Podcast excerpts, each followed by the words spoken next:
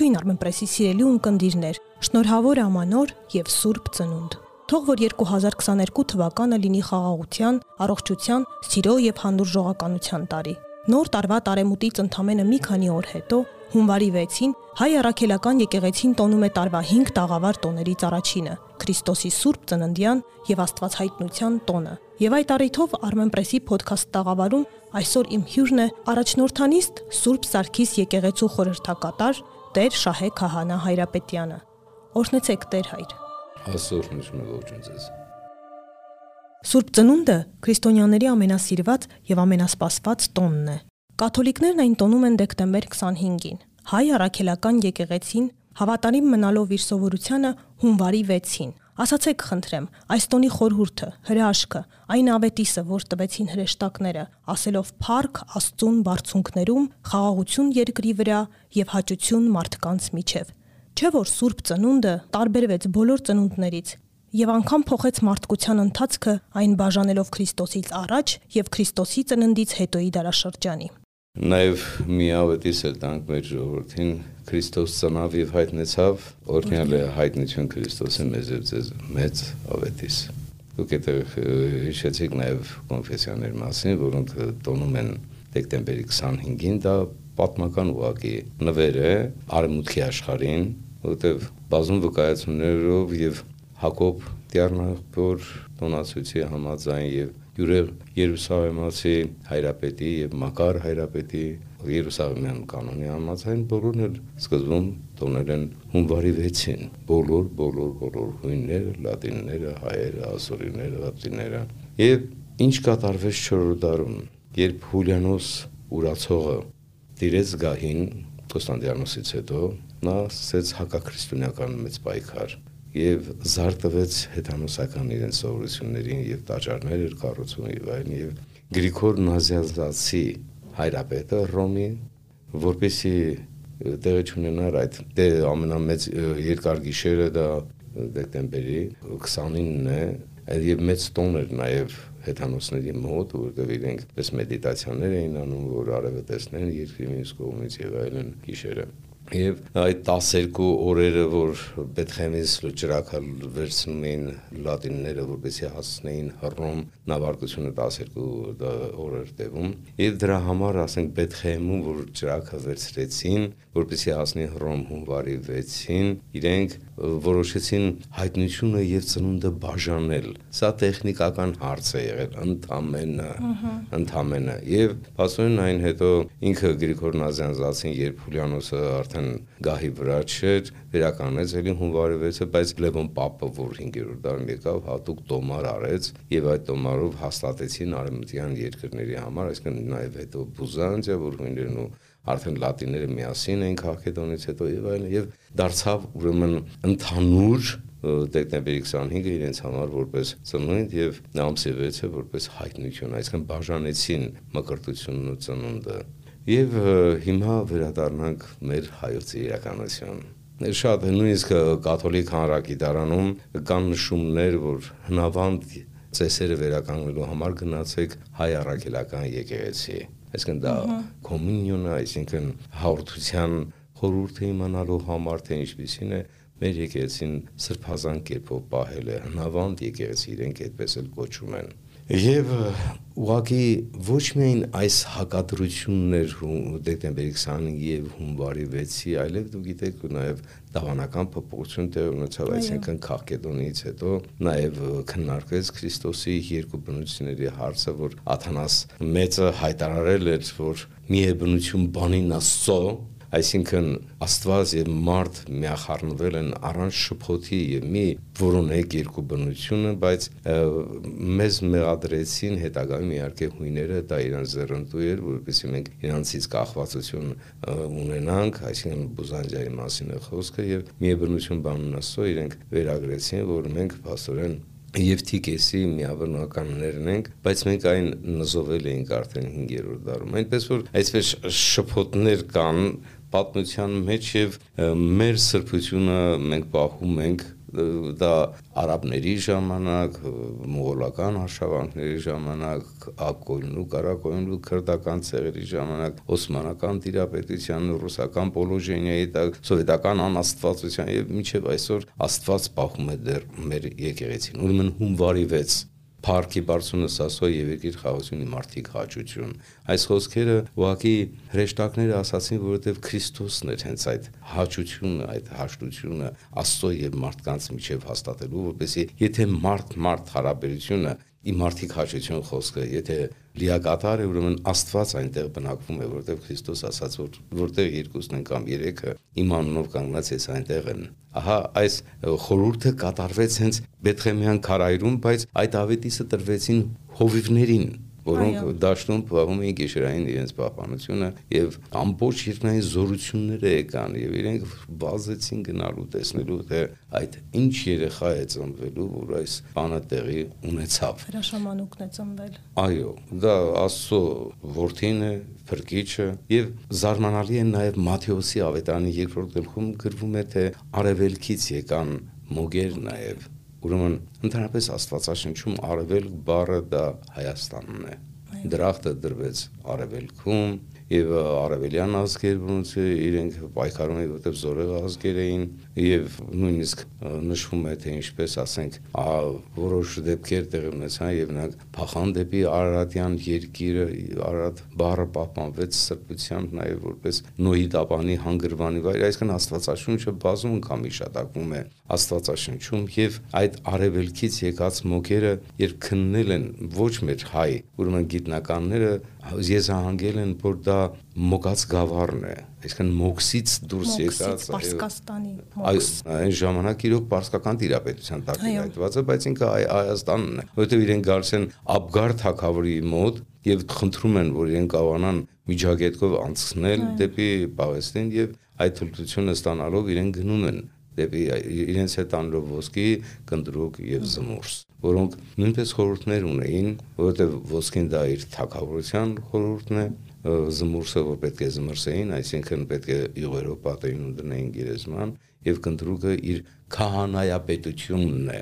Նա քահանա է ըստ կարգին Մելքիսեդեկի, ինչպես նշում է Պողոս Արաքյալը դուք նաև ճրակալույցի մասին խոսեցիք, այսինքն ծիսական արարությունների մասին խոսենք։ Այո, տոնի խորհուրդը եւ որ տոնը ըստ հայ առաքելական եկեղեցու տոնացույցի սկսվում է հենց հունվարի 5-ի երեկոյան։ Ինձ զարմանալի է, որ հնագույն, ուրեմն այդպես տոնականներ, ճաշոցներ, գիրք ընթերցվածոց այսպես էին կոչվում սկզբնական ուրեմն այն ցիսական գրքերը, որոնք սկիզբ դրվեցին Երուսաղեմում եւ այնտեղ ուղակի տարին է սկսում ծնունդից Այո։ Սկիզբն է, որովհետև ասում է, նայեք, աստղերը բարձանում են արդեն, օրերը երկարում են արդեն եւ դիմացը լույսն է, ջերմությունն է, գարունն է եւ այլն։ Դա Քրիստոսի սերն է։ Քրիստոս ինչու մարմնացավ, որովհետև մարդը ինքը իրեն չփրկեց։ Օրինակ ես վստահորեն համոզված եմ, որ Ադամի վիճակը ինչպեսին պիտի լիներ, երբ ինքը դուրս էր գալիս դրախտից, այսինքն արտաքսվում էր, ինքը կամով ինչ էր դուրս գալի։ Երբ տեղ էր ունեցել մեղքը եւ ինքը հաստատ գիտակցում էր, բայց արի տես, որ հենց դուրս եկան տեղ ունեցավ առաջի սպանությունը, այսինքն Կայենը սպանեց Աբելին, ինքը ունեցավ Սեթ որդի ճիշտ է, բայց Սեթի սերունդն էլ խառնվեց Կայենի սերունդին Այսինքն միշտ չարը սկսեց ուղեկցել մարդուն, ինքը չկարողացավ ինքն իրեն մաքրվել։ Իսկ ով որ մաքուր մնաց իրեն տարավ երկինք, օրինակ Ենոքը տարավ երկինք մի անգամից։ Այսինքն մարդը, եթե ինքը իրան փրկեր, շատ լավ կներ, այդպես ասենք բողոքականություն օրինակ, էլի ասում են, դու գիտակցում ես քո մեղքը, ուրեմն փրկված ես, այդ այդպես չի։ Այդ այդպես չի, որովհետև պիտի գար քանայապետը, պիտի գար Քրիստոս, պիտի հիմներ եկեղեցիները, որտեղ գնացին առաքյալները, նախ հիմնեցին եկեղեցիներ։ Դրա համար կոչվում է մեր եկեղեցին առաքելական եկեղեցի։ Եվ առաջի եկեղեցին, որ հիմնվեց, դա Եդեսիայում էր երբ Թադեոս Արաքյալը եկավ եւ դրա համար Աբգար թակավոր կոչվում է նախավկա թակավոր, այսինքն առաջինը վկայեց Քրիստոսի մասին։ Առաջինը սпасում էր Թադեոս Արաքյանին, որովհետև Հիսուսին համակում հենց այդպես էլ գրված է, որ իմ աշակերտներից մեկին գուհարկեմ ձեր մոտ, որ անպայման ինքը չեկավ, ինքը չեկավ, որովհետև հրավեր ստացավ Աբգարից, բայց չեկավ, ասաց, որ ես իմ միսիան ամբողջովին պիտի կատարեմ։ Այստեղ եւ այդ նամակի մասին շատ-շատ մտածումներ կան գիտնականների կողմից, օրինակ ասենք Կոնիբեր Ֆրանսիայում որ ասում է դա հորինվածքն է խորենացու բայց երբ գտնվեց լաբուբնայի բնագիրը եւ հայերեն բնագիրը Փարիզի գրադարանի հայտնաբերված Ալիշանի կողմից որ ամբողջական էր եւ ոչ թե մասնատված ինչպես ասորերենը որ գտնում էր British Museum-ում այդ ժամանակ արդեն այդ մասը հանդարտվեց հանդարտվեց, որ չէ խորնացող հորինվածը չի այնուամենայնիվ կա, բայց թողեցին հետեւյալը, որ չէ խորենացին մեկը հորինելա, որ աբգարը հայ է հասկանում ես, այսինքն արեմտյան մտածումները մեր մասին շատ վերապահորեն է Եվ այսօր էլ մենք վտանգ ունենք մեր գլխին, որովհետև հայագետները, արևելագետները, որոնք դրսից են գալիս, դեռևս մեր մատենադանը բաց են անց համար եւ վտանգներ մենք ունենք, այսինքն մեր բնագրերի հետ ինչ են անելու մենք չգիտենք այնպես որ դրա համար մեր եկեղեցին, մեր կրթական համակարգը, մեր մշակույթը ամբողջ ովին պետք է ներծծված լինի հայականությամբ, առաքելականությամբ, որպեսի օտարները չշեղեն մեր ճանապարհը։ Ազդեցությունը մեծ չլինի օտարների։ Գիտեք, այդ ազդեցությունը մեծ չի լինի, եթե օրինակ ասենք, երբ ընկավ սովետ միությունը, ուրեմն եւ մենք գիտենք թե ինչ ինչ էր աղանդներ, նաեւ ուրեմն հատուկ համաշխարհային բանկ եւ այլն հազար ու մի բաներ գնացին սոցիալատության եւ այլն։ Գրի իրենց կրիտերիաներով, որպեսզի կարծես միօրինականացնեն աշխարհը, որ հիմա ավելի դաժան է կատարվում եւ երբ իրեն գնացին Չինաստան եւ ասացին գիտեք ինչ խղճի ազատության այսինչ օրենքը գոյություն ունի բան ասում են այո այո մենք 3000 տարի առաջ մեր այսինչ կայսրը ունի այդ բանը եւ բերեցին այդ մագաղատները փրեցին իրենց առաջ հասկանես որ մենք նայեք այս արխայի գրության համաձայն մենք արդեն ունենք այդ կոնի դրա համար արեմուտը չկարողացավ թափանցել Չինաստան եւ ավիրել բարի բուն իմաստով դա համաշխարհային տիրակալության նշաններն են դրա համար մեր մատենադարանները, մեր եկեղեցիները, մեր ինքնությունը, որ մենք գիտակցենք, թե ինչ ժառանգություն ունենք, շատ կարևոր է այսօր։ Եվ պատահական չէ, որ սա հնչում հենց Քրիստոսի ծննդյան առիթով եւ հայ թակավորները գնացին Քրիստոսին ողջունելու։ Եվ այդ ավետիսը, որ բերեցին Աբգար թակավորին, շատ կարևոր էր Քրիստոս ծնավ եւ այդ մեծավ դրա համար Աբգար թակավորը երբ լսեց որ այնտեղ արդեն Քրիստոս գործում է հրաշքներ ու դրա համար իր նամակը գրեց դեռ ինքը գիտեր որ ծնվել է ծնվել է եւ ժամանակը եկել է եւ Թադեոս Արաքյալի գալով իր ավետիսները տալով Աբգար թակավորին զարմանալի մի բան է տեղի ունեցել նաեւ որ սովորաբար ասենք թարմանչած տոնը տոնում են 402 405 6 միշտ ատանվող թվականներ են դնում այդ ժամանակ, բայց իրենք չեն հաշվի առնում, որ Աբգար թակավորի խնդրանքով Թադեոս Արաքյալը Երուսաղեմից բերեց Աստվածաշունչը եւ թարգմանեց Եդեսիայում։ Դրա համար հենց Եդեսիայում գտավ գրերը Մաշտոց, այսինքն դա ասորատար հայերեն Աստվածաշունչ է եղել եւ զորաբար գիտնականները շփոթում են, որ այդ Պեշիտա թարգմանությունը պիտի լինի ասորերեն, որ օգտագործել է Սահակ Պարտևը։ Ոչ, ոչ ու ոչ, որովհետև Պեշիտա թարգմանության մեջ այնտեղ ոչ թե Արարատ է գրված, այլ գրած է Կորդու, Կորդու լեռներ, բայց Սահակ Պարտևը Արարատ է թարգմանում, որովհետև դա արդեն հայտնի է, որ դա Թադեոս Արաքյալի թարգմանված, այսինքն Ագվար Թակովի կողմից թարգմանված ասորատար հայերենն էր, որովհետև հայերեն տառերը դեռ միայն մեհյանների ներսում են եւ դեռ հայտնաբերված չէին։ Այնպես որ այս Քրիստոսի ծնունդը մեր համար նաև ունի ազգային ինքնության խնդիր Ճիշտ է, մեր եկեղեցին դիեզերական է, առաքելական է, Քրիստոսինն է, բայց ինքը զարմանալի ազգային է ոչ մի եկեղեցի նման ազգայնակ ասենք ռուսները ասում են չէ մենք օրթոդոքսներ են բայց իրենք հույներից են վերցրել հույները ասում են ռումինները ասում են մենք օրթոդոքս այսինքն այնտեղ ազգային նկարագիր չկա հասկանալի է օրինակ ասենք լատին եկեղեցին է կաթոլիկ եւ այլն եւ այլն այսինքն խնդիր չկա իրենց մոտ չկա բայց մեր եկեղեցին լուրջ ազգային եկեղեցի է եւ ես հիշում եմ երբ Վազգեն առաջինը ննջեց եւ Սուրբ Սարսում մենք կատարեցինք ժամերգություն եւ բոլոր կոնֆեսիաներից եկել էին հնդիկ մալաբար եկեղեցու կաթողիկոսը հայտարարություն արեց ես ասած իմ համայնքին հնդիկ քրիստոնյա համայնքին հայտարարել եմ որ աշխարի որ ծայրը գնաք եւ այնտեղ լինի հայկական եկեղեցի իմացեք որ դա ձեր եկեղեցին է մտեք եւ աղոթք արեք այսինքն Քրիստոսով մենք միանում ենք մենք մեկ ենք եղեք համբարձման լեռան վրա ձիթենյաց լեռան վրա այնտեղ համբարձման տոնին եւ Ասորի Հակոբիկյանները եւ Ղպտի եկեղեցին եւ հայ առաքելական եկեղեցին միասին մատուցում են պատարակ հենց նույն ժամին եւ դա աստծո հրաշքն է։ Տարբերությունը չկա ժողովուրդների, այսինքն բոլորը Գիտեք, այստեղ դավանության խնդիրն էր, ես որ ասացի, պատական չասեցի, որ Քալկեդոնը ովքեր ընդունեցին, նրանք դարձան այդ դեկտեմբերի 25-ի ծառաները, իսկ 5 եկեղեցիներ չընդունեցին, այսինքն Քակեդոնը չընդունեցին եւ դրա համար նույն դավանության, նույն առաքելական դավանության վրա մնացին։ Շատ լավ, Տեր հայր, վերադառնալով տոնին, կարգը տոնին մոտենալու, ջրակալույցին պատարանքին մասնակցելու, ինչքանով ես գիտեմ, մեկ շաբաթյա պահքել կա մինչև տոնը, Իրականում նայեք հետաքրքիր է որ նոյեմբերի վերջին 10 օրյա ընթացքում մի պահք է դրվում, կոչվում է հիսնակած պահք։ Իրապես այդ օրվանից 50 օր է մնում մինչև Սուրբ Ծնունդը եւ Երուսաղեմում հենց հիմնած կանոնն է, դա սկզբնական կանոնն է, որ 50 օրեր պահք են պահել Բայց գյուրը երող սաղմեացին տեսնելով ժողովրդի վիճակը, որ կրոնավորները կարողանում են պահել, բայց ժողովուրդը չի կարողանում, դրա համար ինքը ընդհատեց երկու անգամ։ Այսինքն մնաց 3 ընդամենը պահ։ Դա հիսնակած պահքի շաբաթ մի շաբաթն է, Սուրբ Հակոբի ուրեմն պահքն է եւ երրորդը արդեն Սուրբ Ծննդյան պահքը, որը սկսում է դեկտեմբերի 29-ի երեկոյից մինչեւ հունվարի 5-ի ջրակալույցի, այո, պատարակը, որից հետո գնում են ու ճաշակում են Սուրբ Ծննդյան ուտեստները վերցրեցին լույսը, տարան իրենց տները, լուսավորելու Քրիստոսի լուսով։ Քրիստոսի լուսով, որովհետև ինքն է սկիզբը, ինքն է ավարտը, ինքն է սերը, ինքն է Դավթի աստղը, այն ինչ որ նկարագրում է Աստվածաշնչում եւ երբ նկարագրվում է օրինակ ասենք Ղուկաս Ավետանում ասում է որ երեկո էր երբ իրենք հասան տեղ Եվ այդ պահակների, ասենք այդ հովիվների այդ գիշերը տեսնել այդ ինչպես իջավ գիշերային պահպանություն է այսպես կոչվում այսինքն դրա համար ջրակալույցը հենց դրա համար է, որտեղ երեկոյան տեղի ունեցավ այդ ամենը եւ այդ մումերի խորտանջում են Բեթխեհեմյան լույսը, աստղը վառվող։ Աստղը եւ օրինակ ասենք զարմանալի է, որ Bible lexicon այդպեսի մի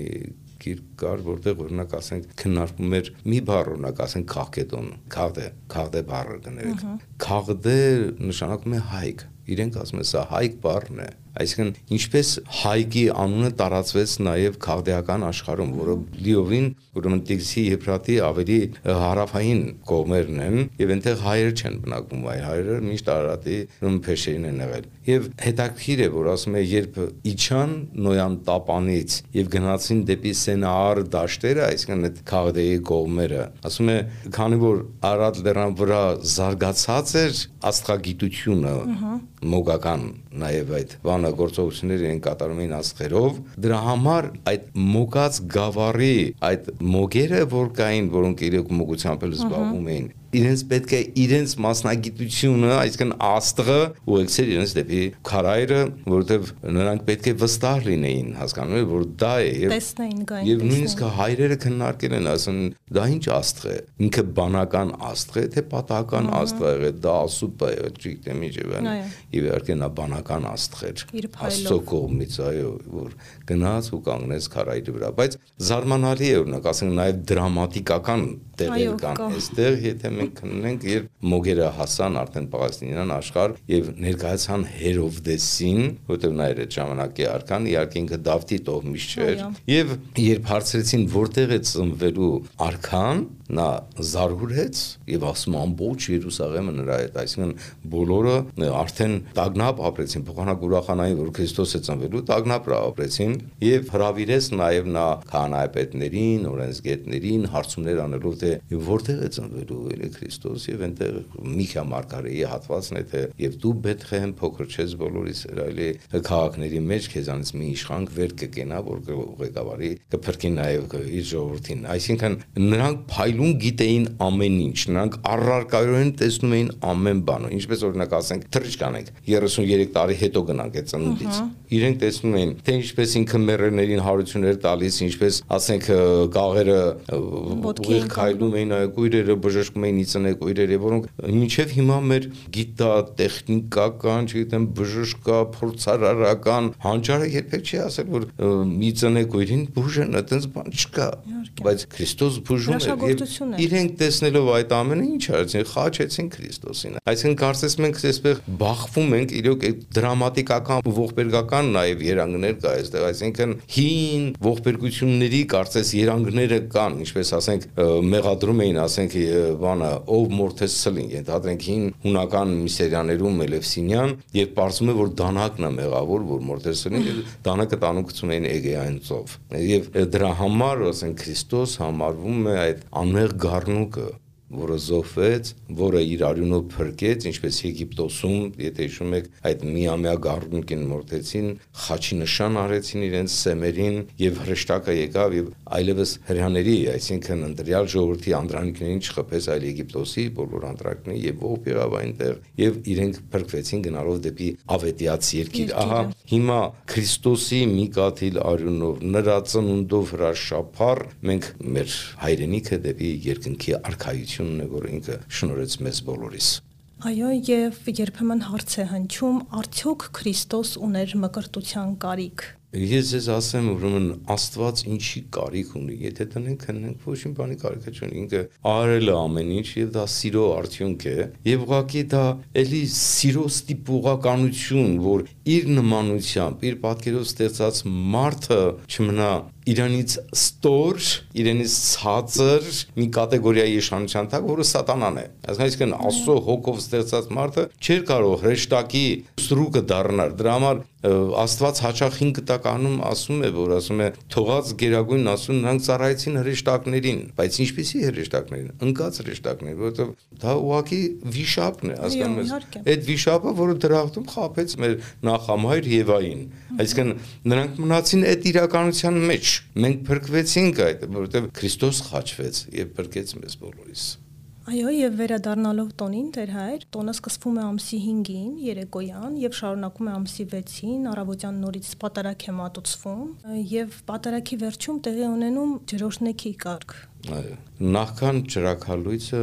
ընթերցվում են հենց ի սկզբանե արար Աստված երկին եւ երկիր, այսինքն սկզբում ստեղծեց Աստված երկինքն ու երկիրը, այսինքն սկզբից սկսում են ընթերցվածներ մինչև գալիս հասնում է Քրիստոսի Սուրբ Ծնունդի ավետարանը, որ պիտի կարդացվի արդեն պատարակի ժամանակ վերևում։ Այսինքն ով է Հիսուս մանուկը ծնյալ նա հենց այդ ավետիսներն է բերում իր հետ եւ պատահական չէ որ երբ արդեն պտուղը կերել էին արդեն նզովները տվել էր Աստված եւ օծին եւ կնոջը եւ Ադամին Բայց հետաքրքիր է, երբ արտաքսվեցին դրախտից, Ադամը իր կնոջ անունը կոչեց կյանք։ Այսինքն, սա մարգարեական խոսք էր, որ մեկը դու գործեցիր այդ մեղքը, քեզանով կյանքն էլ պիտի ծնվի եւ իրոք Սուրբ Աստվածածնից ծնվեց Քրիստոս, այսինքն ընտրյալ անոթ եղավ կինը եւ այդ ընթերցումներից հետո փակված վարակույրը բացվում է Դանիելի մարգարեության թղթերն են ընթերցվում այնտեղ եւ օրհնեցեք եւ օրհնություններով բացվում է սկսում է պատարակը ժողովուրդը ծոմ պահած եւ բախ պահած ստանում է հաղորդություն եւ վերցնելով այո այդ սրբազան լույսը տանում են իրենց տները եւ այնտեղ մի նշում կա օրինակ ասենք ասում է եւ հրով շրջելն խոտելի է այսինքն այդ լույսը որ տանում եք դա Քրիստոսի լույսն է եւ մի հեթանոսական կարգեր արեք այսինքն դա հին նշում է ասում որ ավանդաբար էլի մեր տոնացույցը բերում է Պարզ է, այսինքն ինչ են կատարել կրակի հետ հին հայերը, հեթանոսական հայերը։ Մենք հիմա շատ կսկտուր տվյալներ ունենք ազգագրությունից, բայց այնուամենայնիվ խորհուրդ է տրվում, որ շրջելն խոտելի է, որովհետև նույնիսկ ասենք 5 կտակարանում այդ կրակի հետ կապված կոնկրետ պատվիրան կա ձեր երեխաներին կրակով մի անցկացրեք այսպես պատվիրան կար այսինքն արևելյան ժողովուրդների մոտ եղել են սովորություններ որոնք քրիստոնեությունը եւ ընդհանրապես աստված պատվիրում է որ այդ կարգերը չանեն։ Հիմա մենք վերադառնանք էլի մեր ուրեմն մի հարց ասեմ, փետրվարի 13-ին Տյառն ընթարաչին թռնում են մարդիկ, այդ սովորությունն էլ ինքը գալիս է հեթանոսական ժամանակաշրջանից։ Բայց գիտեք ինչ տարբերվում է դա ինչի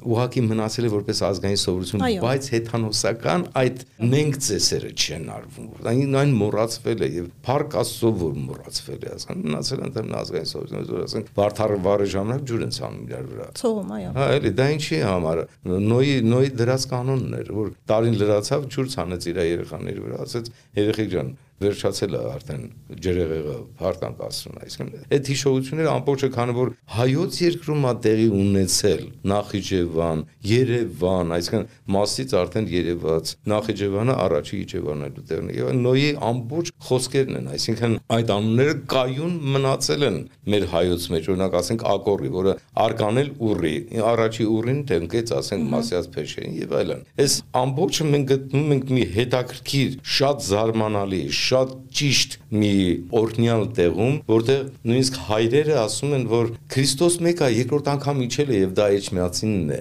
էջ միացինն իջավ իջածինը եւ այո ցույց տվեց այդ վայրը որտեղ պետք է իր տաճարը հիմնվի եւ այն երբեք չի գերեվարվելու երբեք ու երբեք օրինակ ասենք մենք տեսանք թե ինչ տեղ ունեցավ ասենք սարտարապատի ժամանակ ինչպես մեր Գևորգ 5-րդ կաթողիկոսը Սուրենյանը ուղակի Սիլիկյանին ասաց եթե եղբայր չես կարողանում դու քո զորքերով պահպանել իմ մեջ միացնի ես գավազանով կգնամ կնահատակվեմ մեջ միացնի գավաթում խնդիր չունի այսինքն ես չեմ թողնելու էջ միածինը եւ դա դարձավ հենց այդ ազդակը, որ հայ ժողովուրդը ոտքի կանգնեց եւ պահպանեց իր հայրենիքը։ Հիմա մենք ելի վերադառնանք, ասեն բաժրորնեկը։ Ջրորնեկը։ Ապրես։ Մենք Ղուկասու ավետանում կարդում ենք, որ Քրիստոս 30 տարեկան էր, երբ եկավ Հորդանանում մկրտվելու։ Այսինքն կոնկրետ, այո, Հովանես մկրտչի։ Կոնկրետ ցույց էր տալի 30 տարեկան։ Դա հունվարի 6-ն է։ Այսինքն հայտնություն, մկրտություն եւ ծնունդ։ Ահա այս երեքը միասին են եւ դա աստծո հրաշքն է։ Դրա համար օրինակ ասենք այդ ջուրը պատահական ջուր չի, հենց Քրիստոս թարգմանում է օցիալ, մերոնը անպայման լցվում է ամեն ալելույաներով կարդացում է համապատասխան դարձյալ ընթերցվածքները, ավետարանները եւ այլն եւ Քրիստոսի արդեն մկրտության դրվագները, որ դրված են Սուրբ գրքում։ Շատ լավ, վերջին հարցը թերևս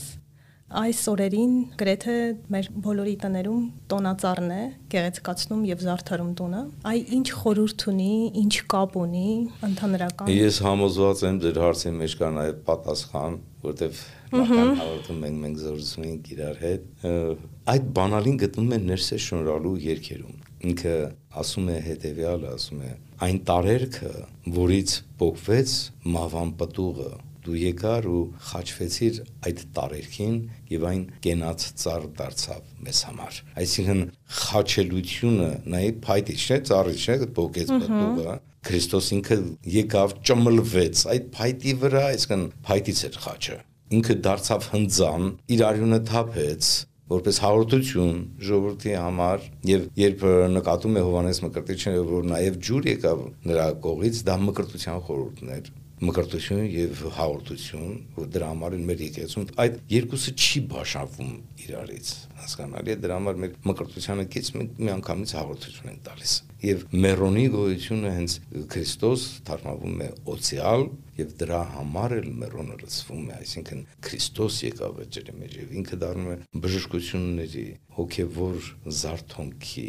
մարդիկ շատ-շատ բաներ գուցե եւ իրենց մտածողության մեջ մոռացել են բայց այդ ավանդությունը որպես այդպեսին հետաքրքիր է էլի դուք ամսի 6-ին որ գաք մարդիկ որոնք տարիներով կարող եկեղեցի եկած շնեն բայց իրենք ավանդաբար հիշում են գիտեն այդ հզոր զորությունը զգացել են իրենց ընտանիքներից եւ նրանք գալիս են անպայման ջուրը տանելու դա առավոտյան ասենք պատարագից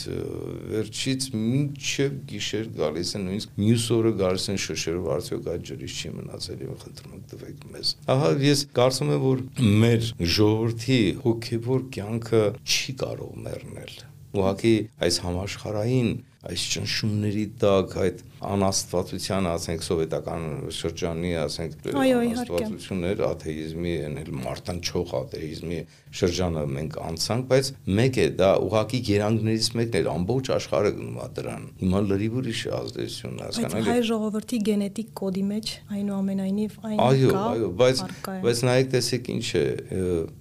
հայ ժողովուրդը անցել է ինքը հնավանդ շատ հին ժողովուրդ լինելով, հասկանու՞մ, այսինքն նույնիսկ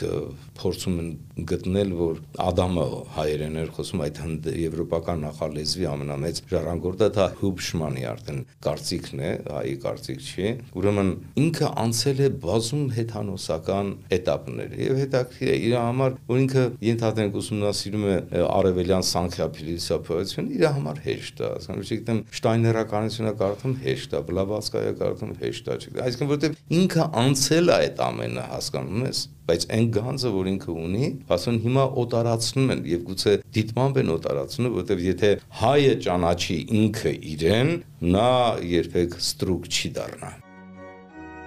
Շնորհակալ եմ Տեր հայր, հաճելի եւ օգտակար զրույցի համար։ Եվ թող որ այս հրաշքը, Սուրբ Ծնունդն ու Աստված հայտնությունը մեզ առաջնորդի, փառաբանելու Աստծուն բարձունքներում, խաղաղություն լինի երկրի վրա եւ հաճություն մարդկանց միջև։